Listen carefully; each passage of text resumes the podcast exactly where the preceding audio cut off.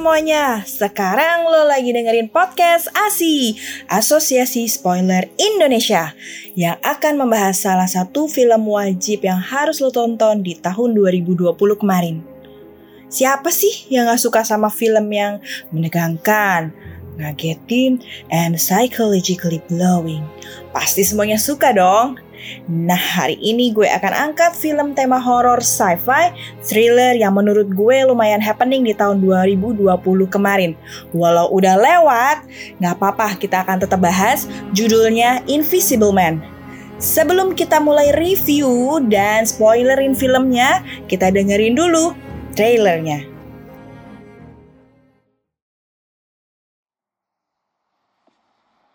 Adrian. He was a sociopath. He said that I could never leave him. He controlled how I looked and what I wore. Then I was controlling when I left the house. And eventually, what I thought.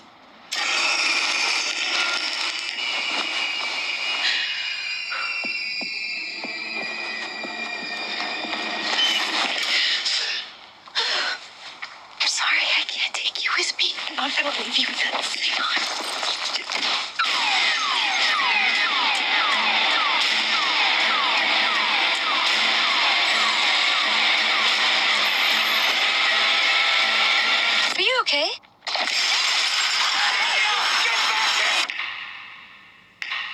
Happened to him?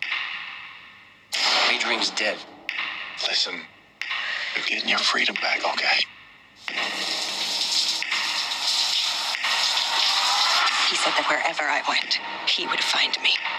Walk right up to me, and I wouldn't be able to see him. Adrian is dead. He's not dead. He has figured out a way to be invisible. Ya, itu tadi cuplikan trailernya. Lumayan seru kan? Sekarang kita mulai spoilerin filmnya.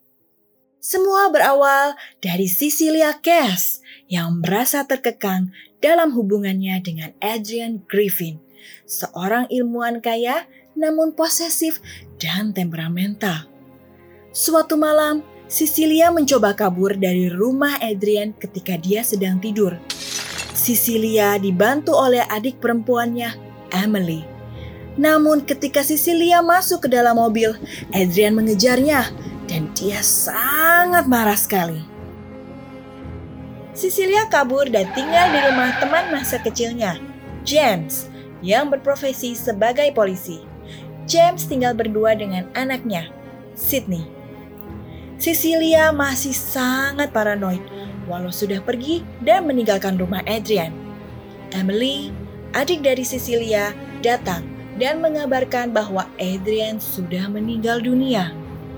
Kemudian mereka menemui Tom, adik sekaligus pengacara Adrian yang mengatakan bahwa Adrian mewariskan harta yang cukup besar untuk Cecilia sejumlah 5 juta dolar.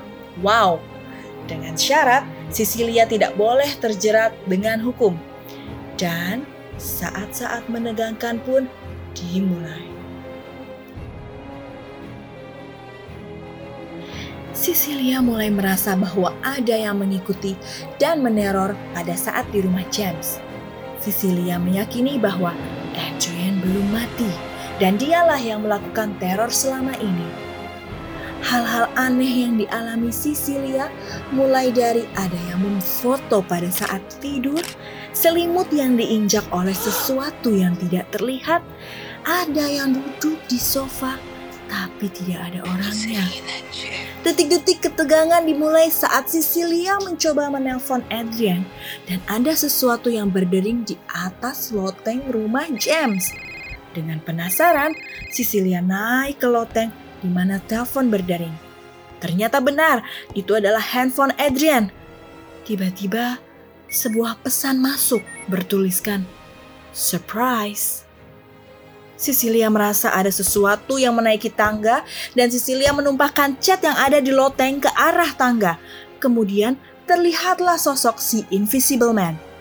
Mereka terlibat dalam baku hantam sampai akhirnya Cecilia berhasil kabur dari Invisible Man menggunakan taksi online menuju rumah Adrian.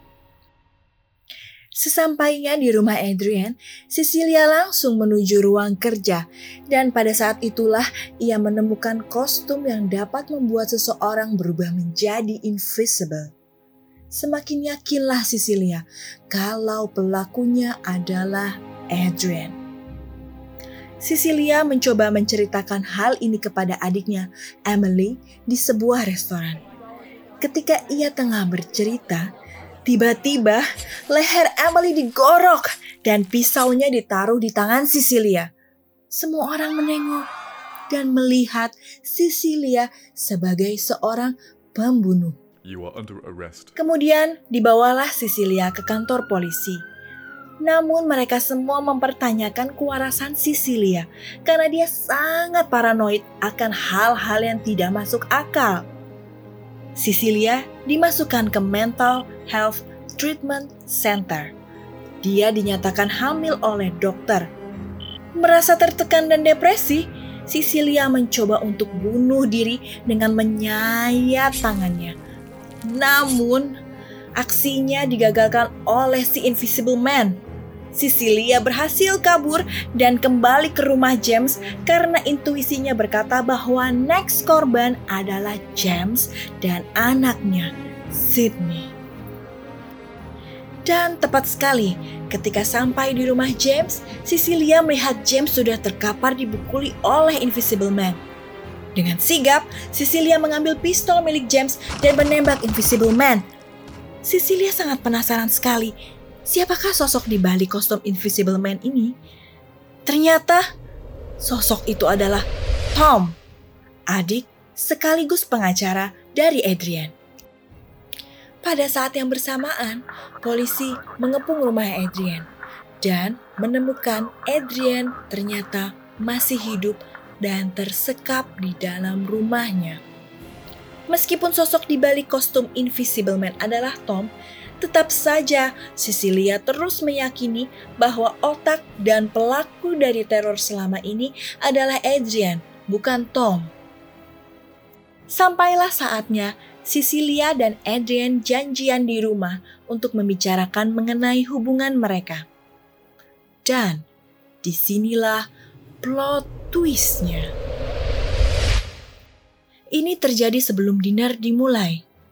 Cecilia pergi ke kamar kecil dan tidak lama kemudian terekam CCTV tiba-tiba Adrian menggorok lehernya sendiri dan terjatuh ke lantai.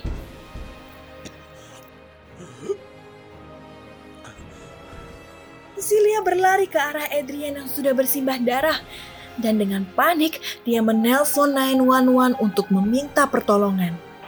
Di tengah percakapan telepon, Cecilia bergerak mundur ke arah blind spot CCTV.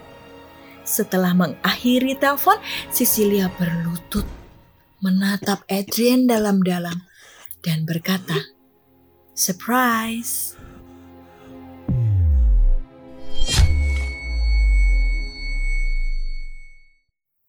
Nah, itu tadi spoiler dari film The Invisible Man.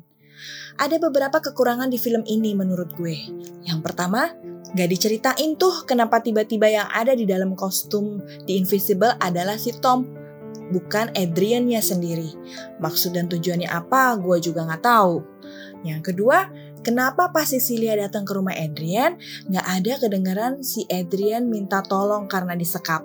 Pas polisi datang, ternyata tiba-tiba ada Adrian lagi minta tolong disekap di dalam ruangan. Anyway, walaupun dibalik semua kekurangan itu, film ini masih worth it untuk ditonton dan efeknya mirip kayak kalau lo lagi nonton Paranormal Activity. Film ini dibintangi oleh Elizabeth Moss, pemenang Emmy and Golden Globe Award.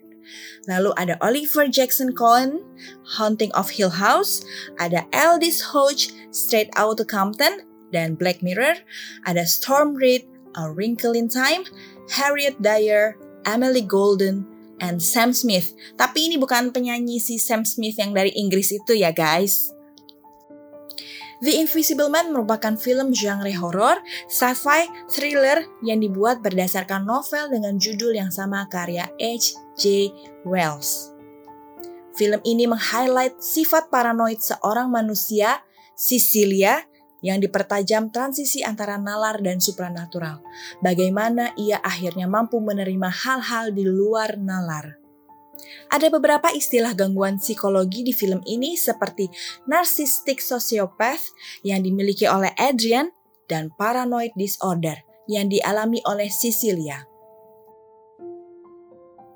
Yuk kita bahas sedikit apa sih sebenarnya narcissistic sociopath dan paranoid disorder.